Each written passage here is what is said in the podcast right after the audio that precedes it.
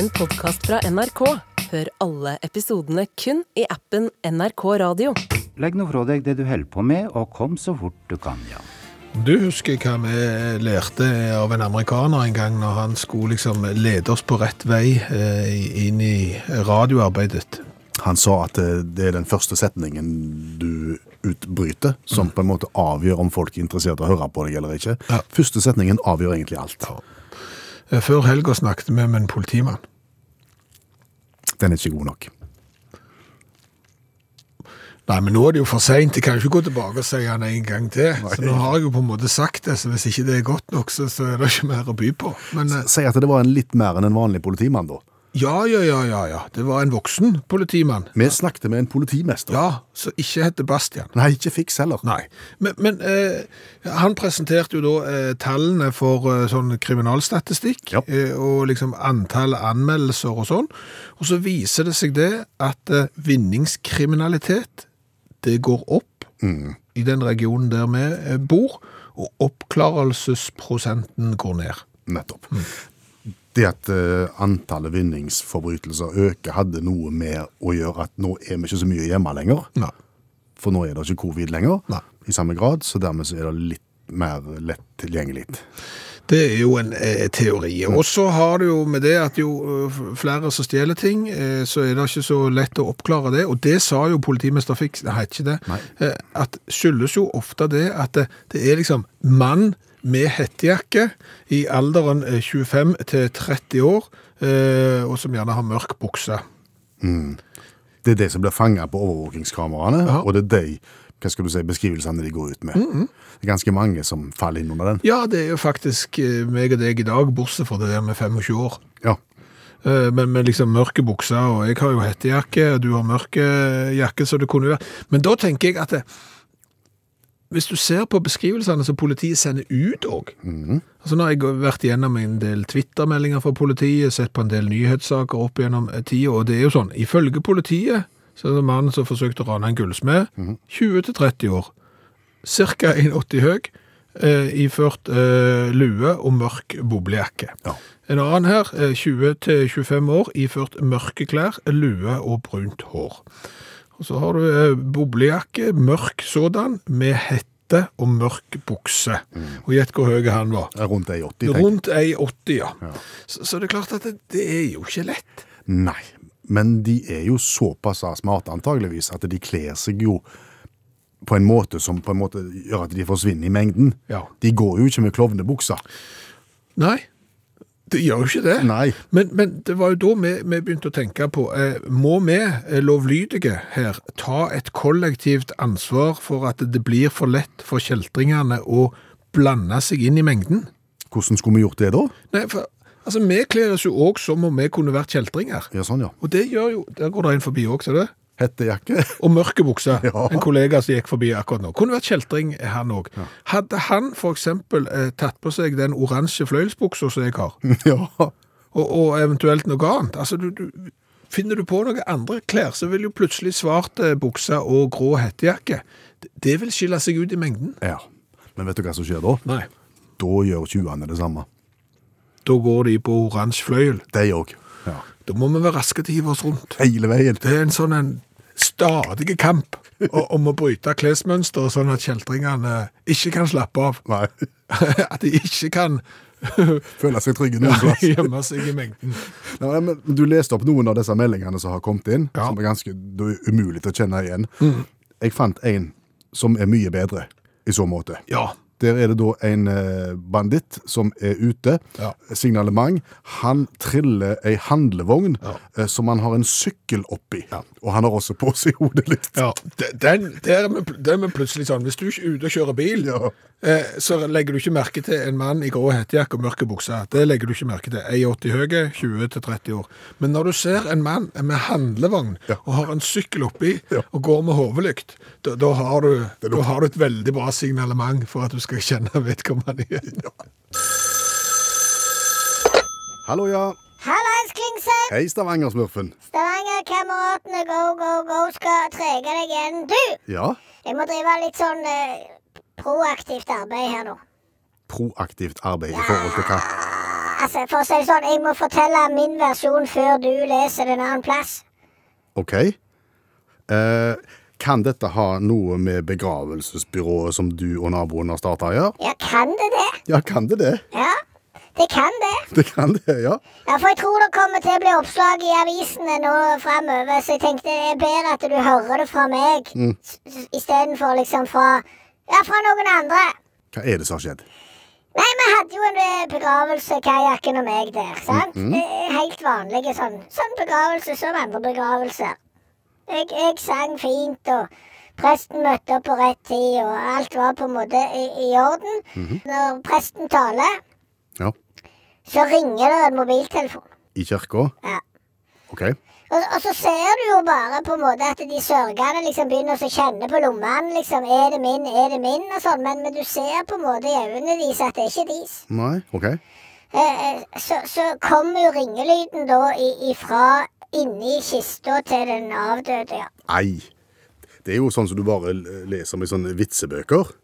Det er det. Mhm. Ja. Eh, og det tar jo litt tid før vi på en måte finner ut hvor lyden kom ifra. Eh, men, men vi skjønner jo at det er inni kista der. Ja. Og, og forklaringen er jo enkel, for så vidt. Det var jo kajakken som hadde ansvar for sånn tilberedning. OK. Jeg vet ja, Klargjøring på en måte før siste reis. Ja.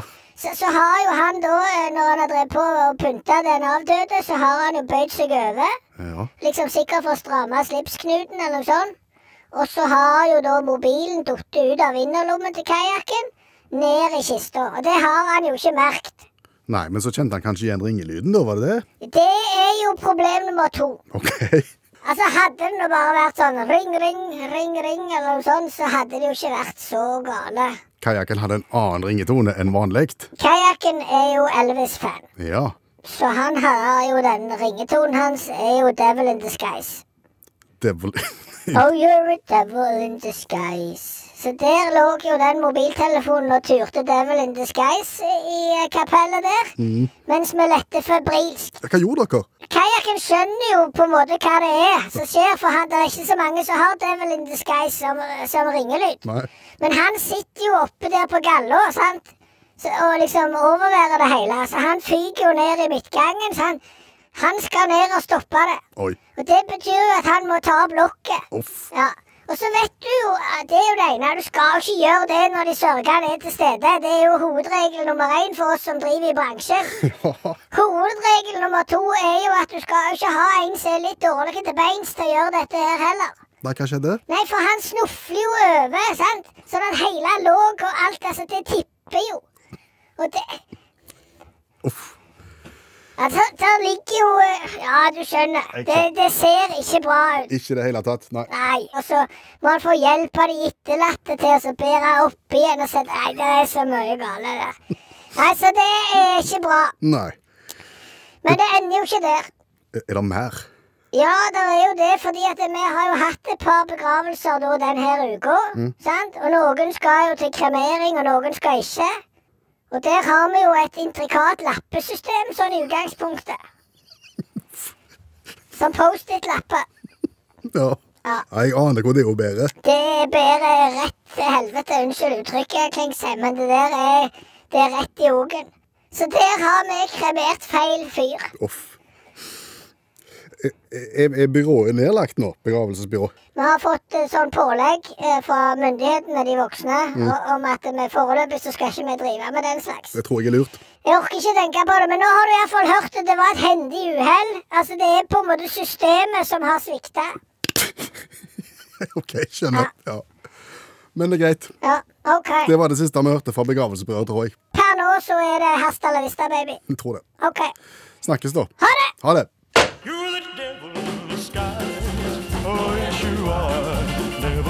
Disguise.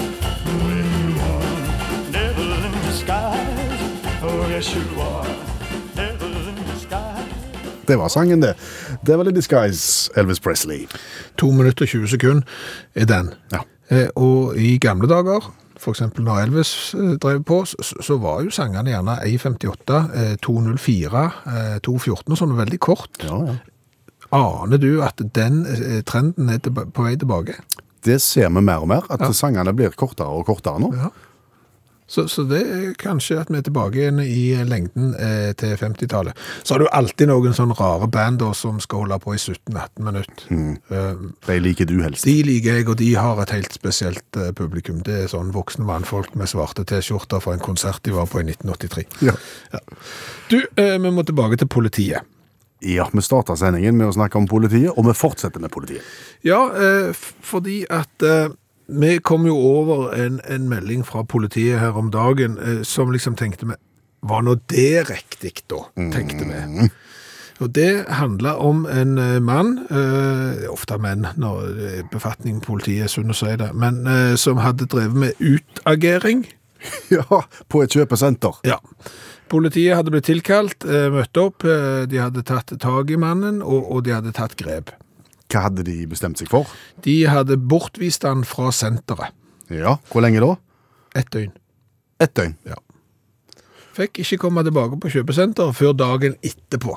Og det var jo da vi tenkte, Var det noe straff? ja, hvor preventivt er nå det? Altså, det er, jo, det er jo som husarrest, der du må være inne i et kvarter. Ja. Så, så vi syns jo det var litt, eh, ja, litt stusslig, rett og slett. Før vi fikk tenkt oss om. Ja. Når vi fikk tenkt oss om, så er det all mulig honnør til politiet. Det... Snakka meg om å ha tenkt langsiktig. Ja, Være i forkant. Ja. På alle mulige måter. Ja. For det som kunne skjedd her, er jo, og da, da må vi bruke oss sjøl som eksempel. Liker du å gå på kjøpesenter? Nei. Nei. Liker du å gå på kjøpesenter? Nei, jeg liker ikke å gå på kjøpesenter. Liker du å gå på Ikea? forresten? Nei. Nei, ikke det heller. Jeg liker heller ikke det. Jeg, jeg, sånne ting syns jeg er dørgende kjedelig, og, og har ikke lyst. Og jeg vet at det er mange med oss. Som kjenner på det samme. Ja. Og tenk deg for en signaleffekt det hadde vært hvis vi visste at hvis vi drev med utagering ut forbi kjøpesenter, Eller inne på kjøpesenter. ja, så, så risikerte vi å bli bortvist fra kjøpesenter i f.eks. et år. Eller for evig tid. Ja, for sånn ser jeg jo på fotballbanen. Springer du inn på fotballbanen på en sånn Premier League-kamp og gjerne ikke har på deg klær engang, så, så er du f.eks. borte fra, fra tribunen i mange, mange år, og kanskje for livstid. Ja. Og hadde vi fått den der lille gulrota som henger foran oss der, at hvis du springer naken eh, gjennom kjøpesenteret nå, så får ikke du lov å komme her resten av livet, så hadde du hatt et ve- vell av mannfolk. Mye utagering. Ja. Ja. Hvordan ville du utagert? Har du tenkt på det hvis du hadde hatt muligheten? Ja, altså, jeg, jeg tenker, Du hadde gjerne tatt den varianten fra russetida, at du hadde kommet i bare lakksko. Og glidd på paketten? Ja, Da hadde du vært ute for livstid. Jeg er nok mer sånn at jeg kunne gått inn eksempel i en, eh, i en butikk og bare tatt ting ut av hylla veldig seint. Altså, du dette må du se for deg. Du tar bort i hylla sånn, Ja. og så trekker du en ting ut. Så kikker du på de som jobber der, så bare slipper du den. Ja. Og så tar du en ting til. Og så helt tom i blikket. Helt tom i blikket. Og når de sier nei, så bare tar du Så Hvis jeg hadde holdt på med det en stund, så, så kunne jeg fort òg ha vært vekke fra kjøpesenter i fem, seks, eh, ti år. Hvem vet? Jeg tror jeg hadde gått for roping, jeg. Roping òg tror jeg er effektivt. Ja, men da kunne du risikert at du ble lagt inn òg. Så det, det er en syltynn balansegang. Men all honnør til politiet, så utviste mannen i bare ett døgn, eh, sånn at de ikke fikk følgefeil. Det mest oppsiktsvekkende med Vasaloppet, som eh, ble avholdt i eh, går, er jo ikke at en svenske eh, slo to nordmenn, og det har jo ikke skjedd på fryktelig lenge. Nei. Det som er mest oppsiktsvekkende, det er Robin. Ja. Robin som gikk. Baklengs. Ja. Han gikk 90 km baklengs på ski på eh, 9 timer og 38 minutter. Intet annet enn imponerende. Nei. For en god sak. For en god sak. Det er jo da vi lurer allmennlærer med to vekttall i musikk, Olav Hove. Du er med oss på linja fra hovedstaden i kveld. Hvor vanlig er det å gå baklengs på ski? Ja, På ski er ikke det så vanlig, men sånn baklengs idrett generelt er ganske vanlig. Overraskende vanlig, vil jeg si. Spesielt når det gjelder god sak, så, så tyr ofte folk til baklengs. altså.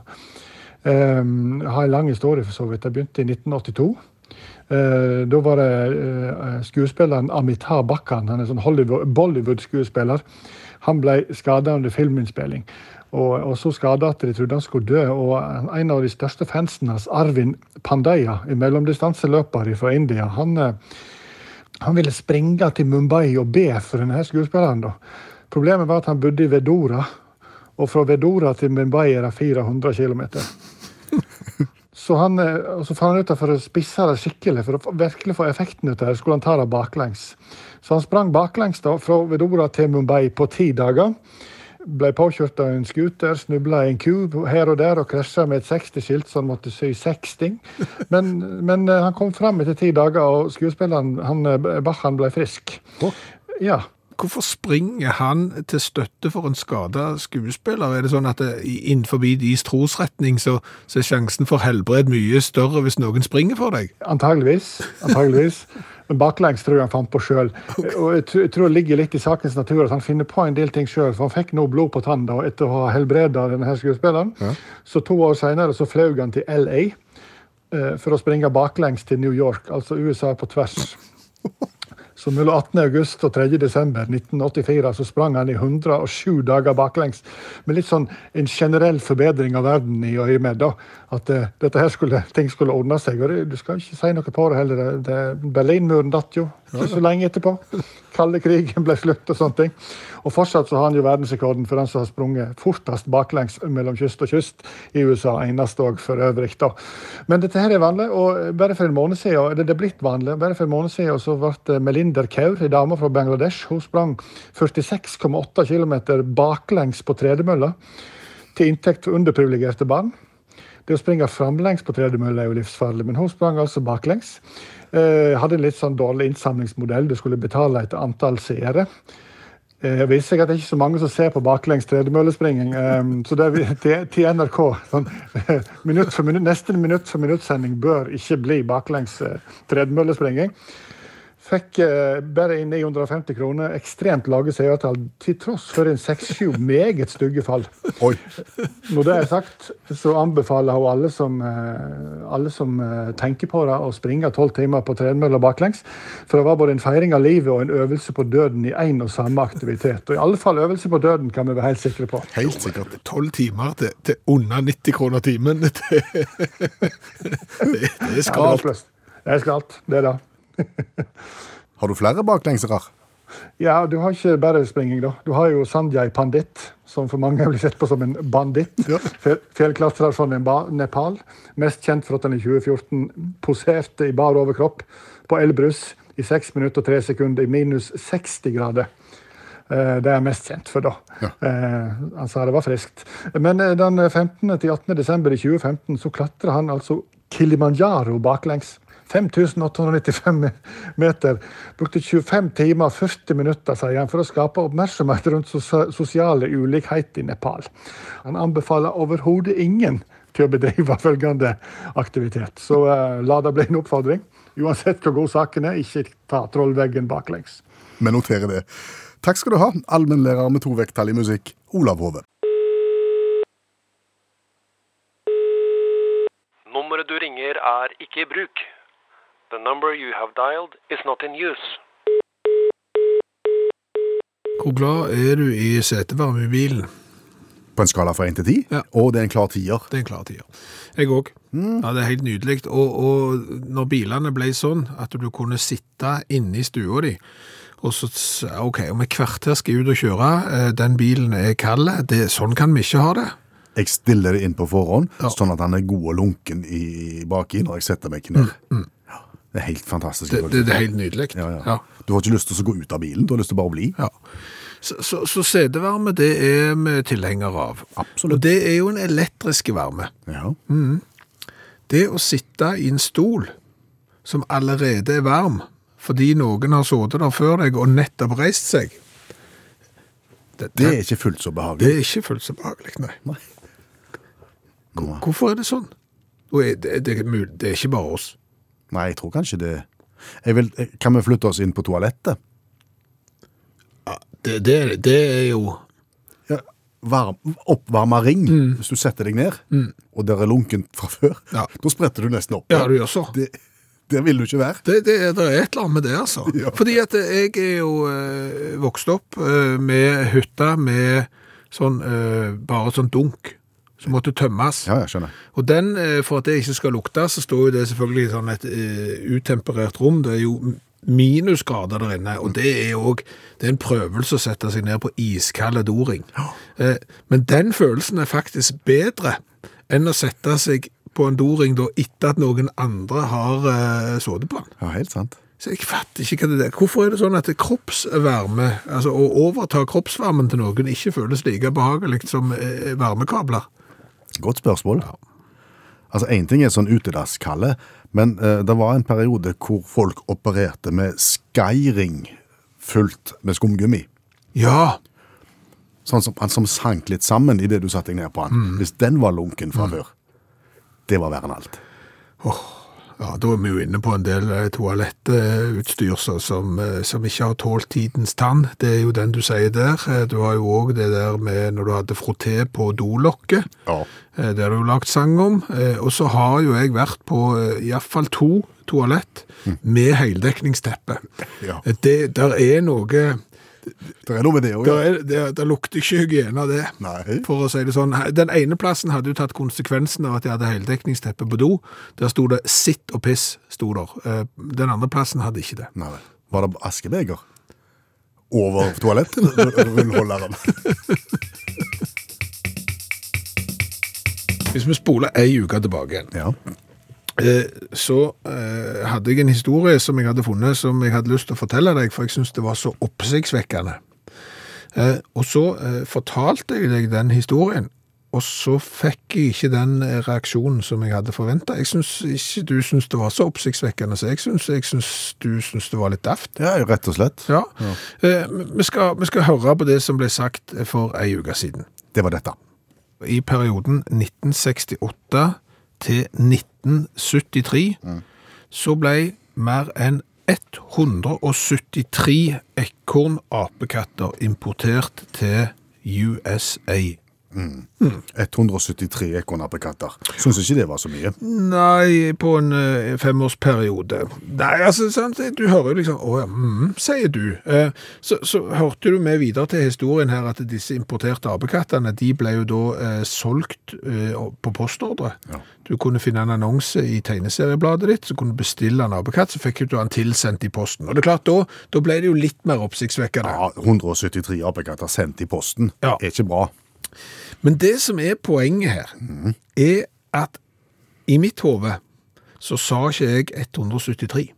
Hva sa du da, egentlig? 173 000, Som er sannheten? som er sannheten. For i perioden 1968 til 1973 så ble mer enn 173 000 ekorn-apekatter importert til USA og sendt rundt i posten. Det er sykt mange. Ja, men, men så skjønner jo jeg at her, da sitter jeg og forteller noe som er sykt oppsiktsvekkende inni hodet mitt. Du responderer knapt, liksom, ja vel, det, var det det beste vi hadde å by på i dag? Ok, prøve så godt du kan.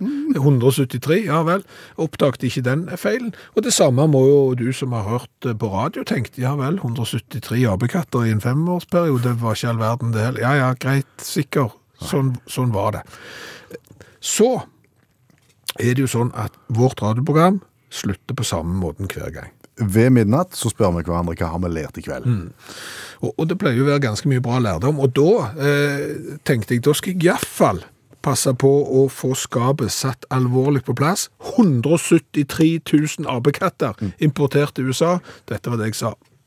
173 ekorn-apekatter importert til USA, og flesteparten av de ble eh, levert med posten til folk som hadde bestilt de gjennom tegneseriebladene sine. Det gikk ikke bra.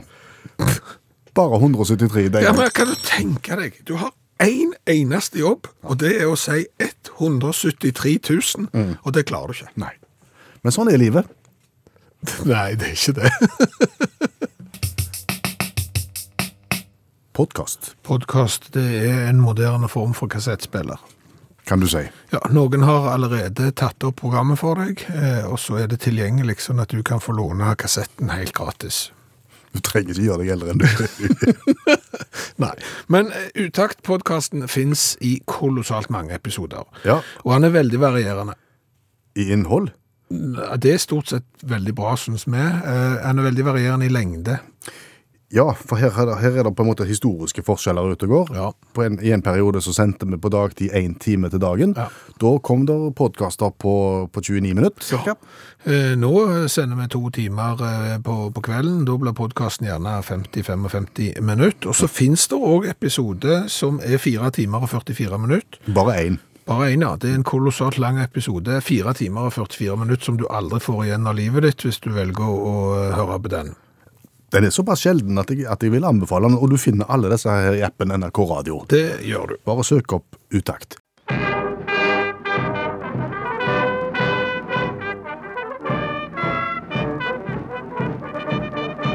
Skal vi fortelle litt fra gamle dager? Det kan vi godt. Ja.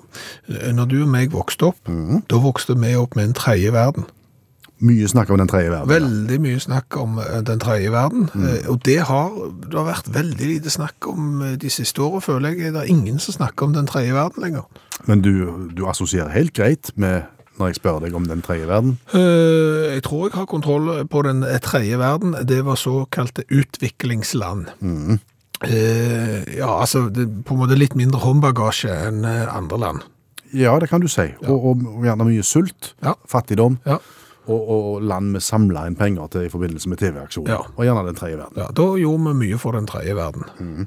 og- men, men som sagt, et begrep jeg ikke har hørt i bruk på lenge.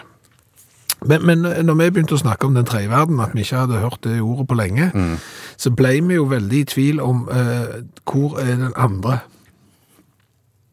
Ja, og den første også, for den saks Ja, men altså, vi var jo den første. Å ja, Tror du ikke det?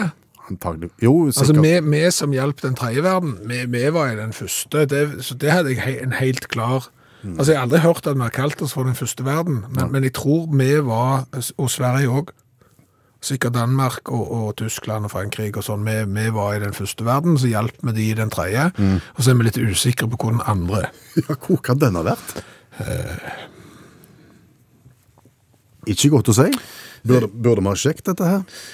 Dette er jo igjen en ting eh, vi burde ha sjekket før vi gikk på lufta. Men eh, da hadde vi jo sannsynligvis funnet ut av det, og så hadde vi ikke hatt noe å snakke om. Det kan du si. Eh, Så, så vår eh, Altså, vi, vi lurer jo alvorlig talt på hvor den andre er. Så da søker vi det opp. Ja. Og så står det her at eh, eh, inndelingen av verden hadde sin opprinnelse under den kalde krigen, da den første og den andre verden ja. henholdsvis betegnet kapitalistiske industriland, den første verden, Ja, det var oss.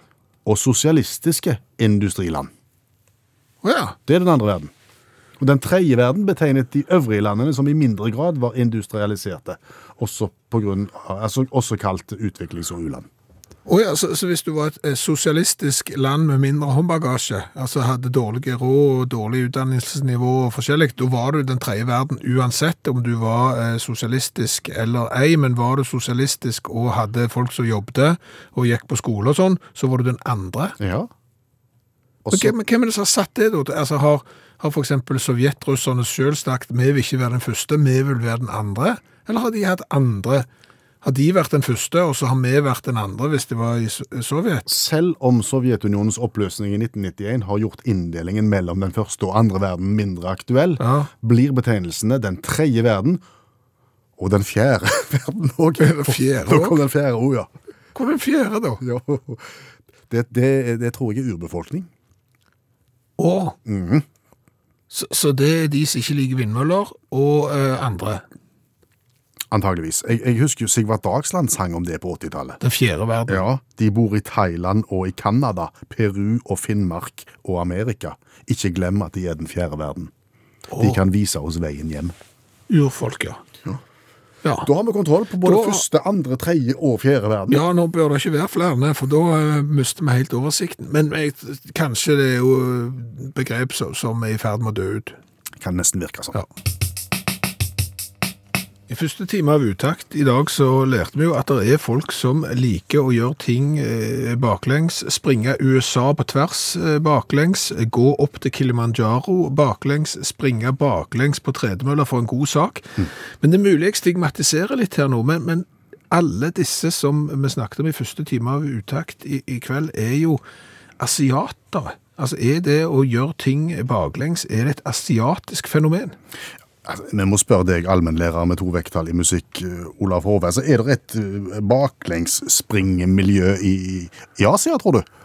Det er det nok, altså, men det er ikke disse verdensledende, da. Eh, I den grad du kan kalle noe såpass lite miljø verdensledende, da. Men, men du har nå noen sånne eldsjeler, da, kan du si, i, i baklengsspringmiljøet. Du har jo Timothy Badøyna, amerikaner, da. Han er på en måte baklengsspringingens eh, Maradona på mange måter, da. Hadde verdensrekorden både på 200 meter, 5000 meter, 10 000 meter og maraton da i sin tid. Han, eh, han var egentlig litt sur fyr, men han mye, klagde mye på at det var, det var lite miljø. da. Lite interesse av en eller annen grunn for at folk som springer baklengs. Han arrangerte to løp i året all- i, USA, og ett ble alltid avlyst. Det var St. Louis-løpet som alltid ble avlyst pga. for lite påmeldte. Ikke så løye. Så er det litt sånn, han, han Timothy Badyna han, Jeg har ikke så mye kilde på han, men jeg har lest et intervju, da, og da var det han sjøl som har skrevet det. da, I Blue Ridge Outdoor-magasin. da, og Det viser seg at han er en ambassadør og samler av fagstoff for den edle kunst av baklengsspringing. da. Og Han sjøl var i utrolig dårlig form på sånn 90-tallet. Han hata å jogge, og så begynte han å springe baklengs og var 100% sikker på at det ville være dårlig for han. Det er jo rart at han begynte med det, men det skal ikke vi Litt kritisk journalistikk eh, hadde ikke gjort seg her. Men, men, eh, men det motsatte skjedde. da. Han ble friskere, og han fikk eh, drag på damene. og Det er det han fokuserer mest på. da. Han hadde aldri hatt drag på damene, men han fikk det med å springe baklengs. Det er det ene funnet han vil presentere. og så viser viser seg at, at Universitetet i Oregon har forska i 25 år på baklengsspringing. Og det viser seg at det er mye hardere å springe bakover enn framover. Skulle ikke brukt 25 år på det, men det er noe så. Du, men du får bedre balanse, du bruker flere muskler, og, og, og, og det blir mindre skader, visstnok. Ja, Bortsett fra han som da eh, sprang baklengs eh, på både ku og skilt, for det hadde ikke så seg for. Ja da, ja. da, absolutt. Er noe, men nå ser det ut som han her eh, eh, Maradona baklengsen har fått, et, fått han, har, han har fått viljen sin. Det viser seg at det blir et, er blitt et miljø nå i USA, og, og nå to år på rad, på baklengsdagen, den offisielle bak, baklengsdagen 31. januar, så har det vært eh, to stevner i Potomac Valley. eh, der folk mellom 12 og 69 år har møtt opp til å springe i masse forskjellige øvelser. Høres jo voldsomt ut. Blir også kalt en massemønstring. av var 14 stykker eh, begge årene som møtte opp. da. Så det er noe så, det er ikke det helt store miljøet. da. Og så har du da Christian, eh, Christian Groll, fransk baklengsløper, som også blir sett på som en av pionerene. Han og kona Edith. Han hadde drevet backwardrunning.com, det var en nettside for baklengsspringermiljøet. Nedlagt. Det har nok sammenheng med at det var ingen som var inne på den sida. Men, eh, men han har jobba nå i en mannsalder, dette òg ifølge han sjøl, med IOC for å få eh, baklengsspringing inn på det olympiske programmet. da. Ikke vanlig baklengsspringing, men et sånn slags miks alternativløp, et parløp, der dama springer framover og mannen springer bakover, tett i tett. Eh, Dette sier Groll, dette har han forska på, han og Edith. og Dette vil bli en såkalt perfekt synkronisering av bevegelser. Og vi baner vei for å føre mennesket inn i en mer harmonisk æra. Og det kan vi jo saktens trenge, tenker jeg. Ja, ja. Absolutt. De- Den baklengsøvelsen jeg kunne tenkt meg å sitte, det er jo baklengshekk.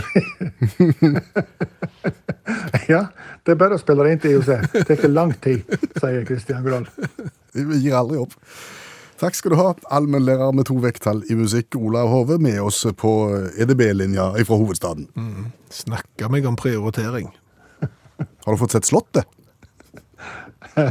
Nei, jeg har ikke det, men jeg skal nå. Nå er det kjempemørkt. Ja, da blir det i morgen. Og jeg tror med hånda på hjertet at jeg kan si at vi har fått cola av en ungdom. Se det. Ja. Det var kjekt. Hvordan kan du vite det? Eh, Fordi Sondre Martin skriver i brevet som følger colaen, eh, at sender dere denne colaen som er laget i samarbeid med den spanske artisten Rosalia, eller Rosalia, eller noe sånt, som dere sikkert ikke har hørt om, gjetter jeg. Sier ungdommen. Ja. ja. Og det er jo helt sant. Inntil vi fikk sjekka. Jo, jo, men vi kjente jo ikke til eh, Rosa... Vi vet jo ikke hvordan vi uttaler den engang, om det er Rosalia. Det høres ut som en sang av Åge Aleksandersen. Rosalia! Ja, men vi hadde jo ikke hørt om vedkommende før du fikk i oppdrag å sjekke det. Svær artist, eh, født i 1993. Ungdom. Ungdom, sanger, har over en halv milliard avspillinger. Ja. Det Så det, så det er svært. Men, men hva har Rosalie Rosalie Rosal, Rosalita med, Ja, hun- med kolene. Ja. jo. Nei, altså, hun, det, det er jo dette her eh, kreative universet som Coca-Cola har lagt seg selv, som de kaller for Coca-Cola Creations. Og da lager de jo nye eh, smaker av colaen sin. Nå har de da lagt Movement, eh, som er utviklet i samarbeid med denne Grammy-vinnende artisten, som er litt usikker på uttalelsen av, Ja. som jeg har valgt å kalle Rosalia. Eh, og, og, og eh, den er da kjøpt i Norge. Den er tilgjengelig i et begrenset opp, opplag. Eh, og eh, da sier Tonje Haugen, som er merkesjef i Coca-Cola Norge, dette, at vi håper og tror at våre felles fans, både de som liker da, ja, og de andre, kommer til å like denne. Og hun legger opp til at det er opp til folk selv å definere den nye smaken og hva de vil kalle den. Selv gir Tonje Haugen eh, ikke noen hint om hva smaken kan minne han om, utover at den oppleves unik og vil virke familiær for alle fans av sukkerfri Coca-Cola. Jøss. Eh, Han som sendte den til oss, Ja. har han smakt?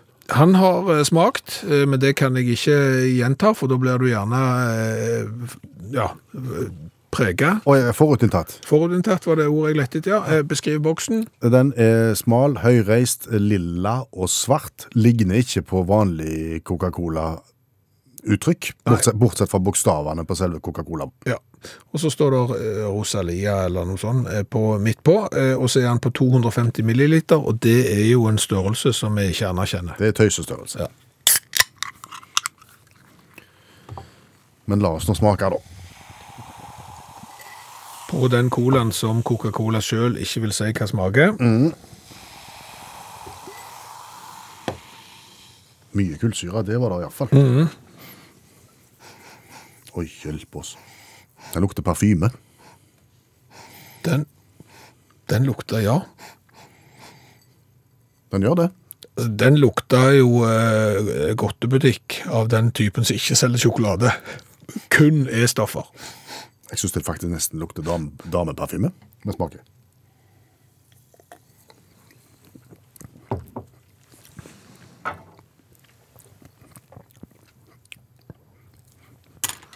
Tja. Det var jo ikke Coca-Cola. Nei.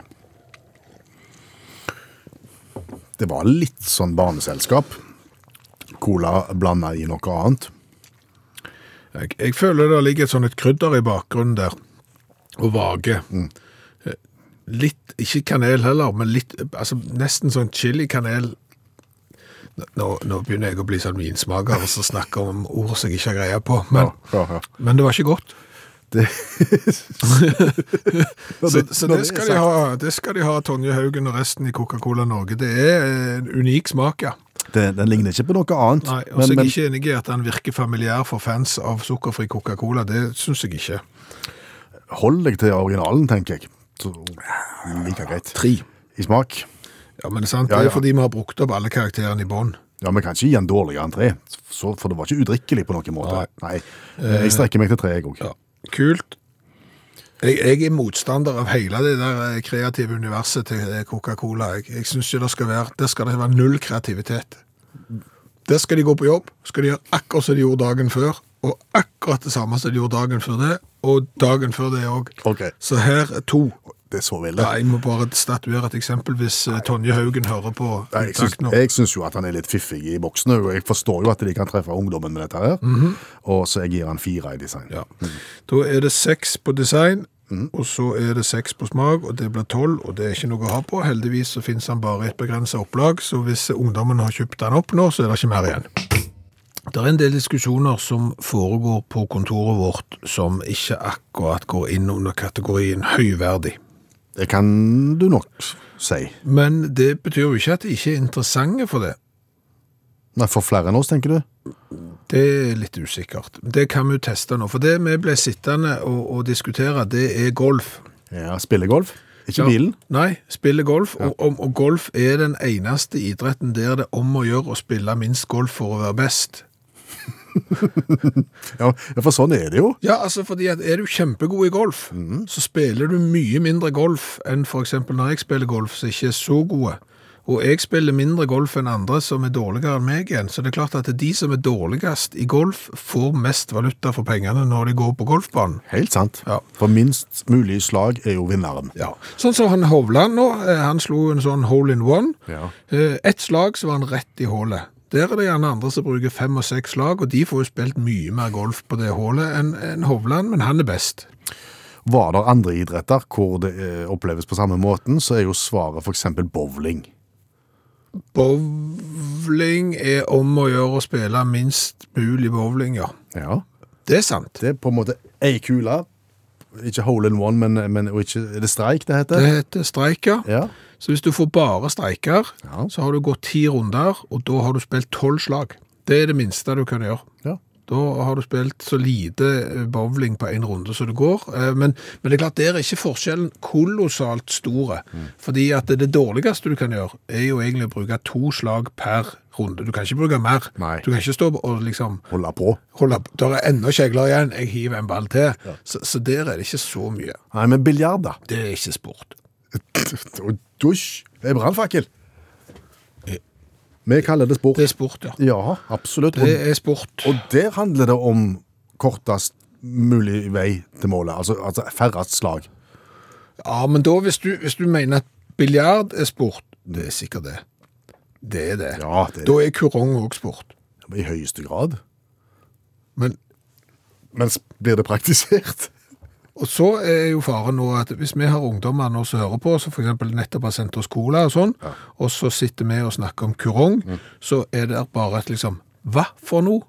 Hva er det nå de snakker om? Det er jo det tøffeste spillet på, på ungdomsklubben på, på 80-tallet. Hadde du kurong, så hadde du ungdommen i din makt. Jeg tror du overdriver bitte litt i forholdet til kurong, for de tøffeste ungdomsklubbene de hadde tross alt biljard. Eh, altså, det er, kurong er fattigmannsbiljard. Ja, altså Det er kvadratiske treplater Ja. med, med, med hull i hvert hjørne. Ja. Og så gjerne en, en sånn hermetikkboks under hullet for å fange opp det som detter i hullet. ja. Og så har du noen sånne flate rundinger med hull i, som du skulle da slå med pinne. Du hadde en trepuck som du hadde drillet hull i midten i. Stemmer. Eh, Og, den, og de var forskjellige farger, og så skulle du dytte de ulike fargene ned i disse hjørnene. Og, og dette var såpass simpelt, dette spillet, at hvis du var bitte litt bedre enn gjennomsnittet i sløyd, Så lagde du det. så lagde du korong. Ja da. Vi andre lagde skjærebrett, eh, noen lagde korong. Ja, stemmer det. Men vet du hva, mens vi har sittet og snakket, Nei. eh, utgangstanken din, Ja, hva, hva var den? idretter, eh, altså golf er en av, nå har du jo ko- dratt inn bowling og sånn også, men bowling og golf er idretter der det er om å gjøre å gjøre minst av idretten for å være best. Det gjelder vel strengt tatt for løping òg? At du skal bruke minst tid, da. Ja, det er klart at du springer minst maraton hvis du er best i maraton. Det egentlig, dette her hele resonnementet begynner å falle skikkelig til jorden, altså. Ja, gjør det. Ja. Ja. Men ikke et resonnement til jorden uten at Gud det vet. Men det var, det var spurv. Mm, det hørte vi om før vi begynte å spille kron. Jeg er ikke så veldig flittig på eh, kollektivtransport. Nei, du, du, liker å kjøre egen bil. Jo, men det er jo litt sånn når du bor såpass grisgrendt til som så jeg gjør, så er det jo sånn at hvis du skal ut, så tar du bil. Eh, Det er jo bare de få gangene du skal ut, Ut, ut. at du tar eh, buss, f.eks. Ja. Har du, har du gjort deg noen oppdagelser på de få bussturene du har tatt? Jeg synes det er oppsiktsvekkende få som har på bilbelte. Mm. Hvorfor heter det bilbelte i i, buss? i bussen. Ja, Det er litt rart. Det er bussbelte. Ja. Og Eller sikkerhetsbelte, kanskje. Det favner jo alt. Helt sant. Ja. Og så er det vel egentlig påbudt, er det ikke det? Jeg tror du kan få bot hvis du ikke har på sikkerhetsbelte i eh, Mm. Eh, og, der har jeg eh, to teorier. Eller egentlig bare én teori. Om hvorfor folk ikke har på. Ja. Eh, og det er fordi at de eh, stoler såpass mye på bussjåføren. Eh, det er liksom fagmann. Ja. Det er som når du blir operert, så er det en kirurg. De har gått på skole, de vet hva de gjør. De som kjører buss, de er bussjåfører, de vet hva de gjør. Det er mye tryggere enn hvis jeg sitter på med eh, farmor. Ok. Jeg tror ikke du trenger å gjøre det så komplisert, egentlig. Men det er så komplisert. Jeg tror at folk bare la være å bruke av gammel vane. Av gammel vane. Ja, du, du er ikke vant med å bruke sikkerhetssele i buss, og så bare blir det ikke. Tror jeg. Ok. Nei, jeg vet ikke hva jeg skal, skal svare eh, på det. Eh, For nå har jeg forberedt eh, Og et, et? Resonnements? Ja, ja altså jeg har, jeg har drevet ganske mye research på en måte for å få folk over på eh, sikkerhetsbeltet i buss, Ja. eh, ut ifra at de ikke bruker det, siden det er en fagmann som kjører. Ja, Bruker du i taxi? Jeg gjør. Du bruker sikkerhetssel i taxi? Ja. ja. Men tror du ikke folk gjør det, da? Det vet jeg ikke, for jeg tar jo ikke taxi med andre. Nei. Altså, Hvis jeg tar taxi, så er det jo taxi. Da tar jo jeg taxi sjøl, eventuelt med et familiemedlem, og de har på seg eh, bilbelte. Men hvis du sitter alene i taxien, som passasjer, Ja. setter du deg framme, eller setter du deg bak? Jeg sitter bak. Alltid bak. Jeg, jeg føler meg så dust. Du sitter, ja, jeg sitter kun framme hvis det er tre andre som sitter bak, og det er ytterst sjelden. Da er det sånn, da må alle inn. Og da føler du at du går inn på sjåførens private område. Han må gjerne rydde vekk eh, matpakken sin og aviser og, og forskjellig, og så må du liksom Ja, og så må du jo da du må konversere mye mer i framsetet enn bak, føler jeg. Ok, du sitter bak. Hvor hen er bak? Eh, Jeg sitter bak passasjersetet. Og ikke rett i nakken på sjåføren. Nei, for det har jeg hørt at de ikke liker. Ja, nå skled det ut der. Nå, Ja, det- vi, vi, var, vi var i buss. Ja, vi var i buss, Mm. eh, og, og vet du hvor lang tid det tar å bli bussjåfør? Nei. 280 timer teoretisk og praktisk undervisning. Okay, Det er grunnutdanningen for å ta buss. Det finnes òg en komprimert grunnutdanning som er halvparten, 140 timer teoretisk og praktisk undervisning. Ja. Og sier det deg noe? Nei. Nei. Hvis du eh, går på videregående skole, det er fire uker. 140 timer undervisning, det får du gjort unna på fire uker på eh, skolen. Så du kan si det å eh, ta buss Ja. Kan i prinsippet gjøres på fire uker. Og det var ikke noe for oss å liksom eh, si at det ikke er et høyverdig eh, yrke eller noe sånn. Men, men tenk, tenk på det.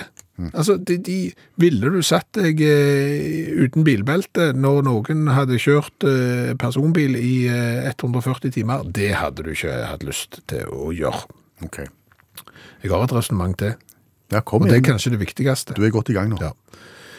Har du kollidert i det siste? Mm, nei, ikke sånn kollidert, kollidert. Ikke kollidert, kollidert. Nei. Nei. du har rygget på en ting, men det er lenge siden det òg. Ja. Det vil jo da si at du nærmer deg en kollisjon. Ja, sånn eh, statistisk sett. Ja. ja okay. Desto mer du kjører, desto nærmere er du ei ulykke. Det er jo statistisk. Ja. Og de som kjører buss, de kjører sinnssykt mye buss. Så de er jo stadig nærmere ei eh, ulykke, rent statistisk. Og da må du ha på sikkerhetsbelte. Nå kom jeg på en ting til som jeg, gjør, som, som jeg tror er årsaken til at vi ikke gjør det. Hva det for? Du sitter så høyt og så svært og så innkapsla at du tenker at du er kongen på veien. Det er trygt dette her, uansett. Det kan være.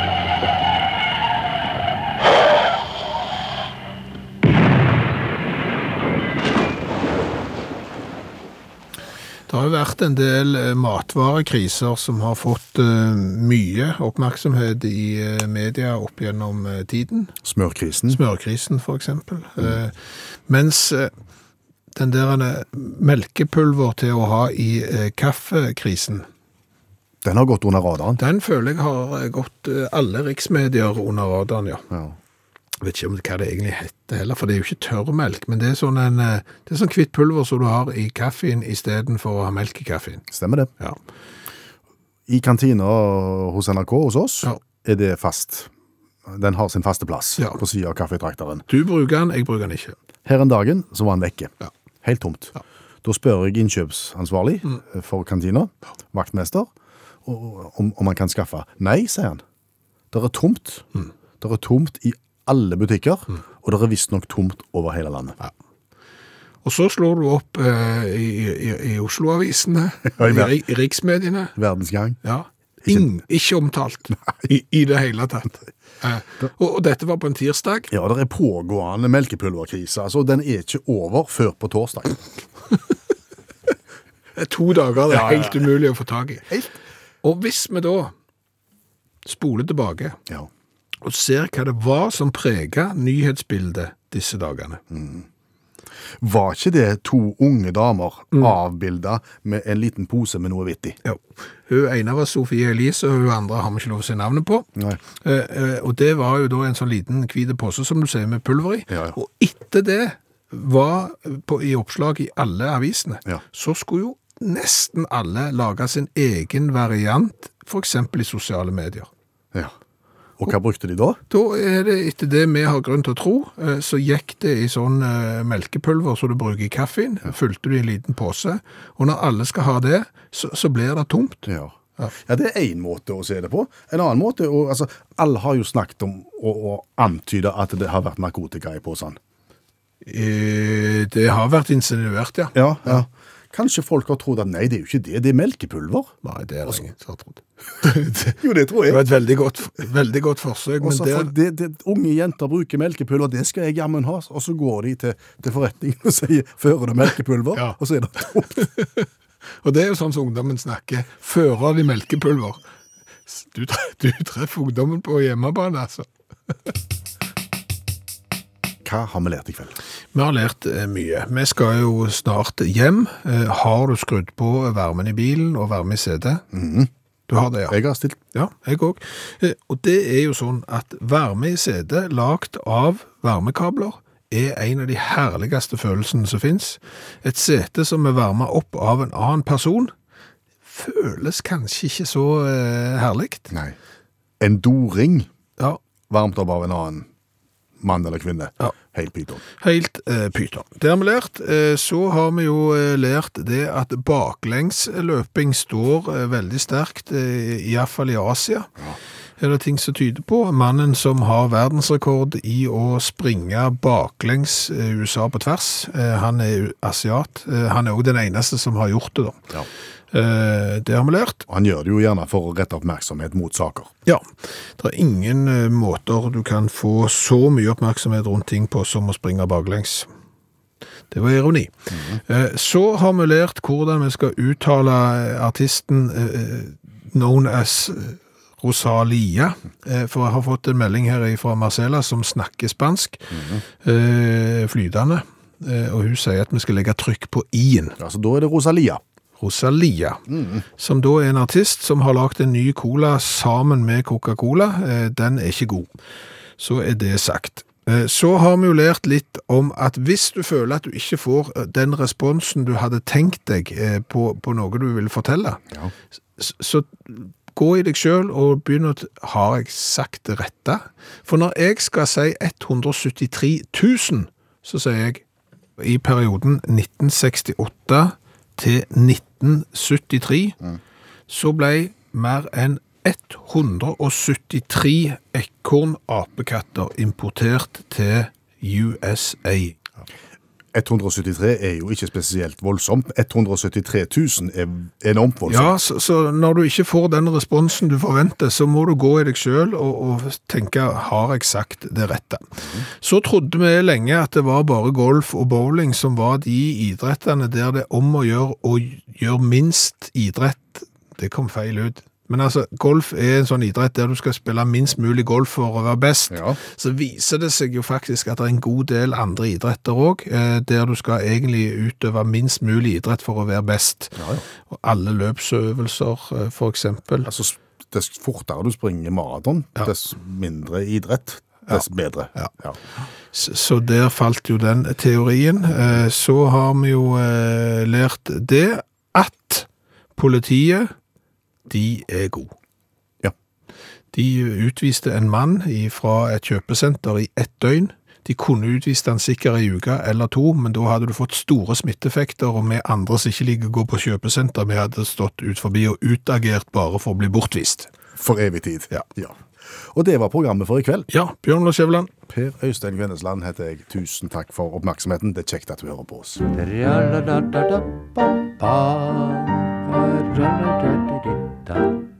Og stans, og så var det ikke mer i dag. Og i dag går vi ut og kjøper oss hoppetaug. Takk for nå. Du har hørt en podkast fra NRK. Hør alle episodene kun i appen NRK Radio.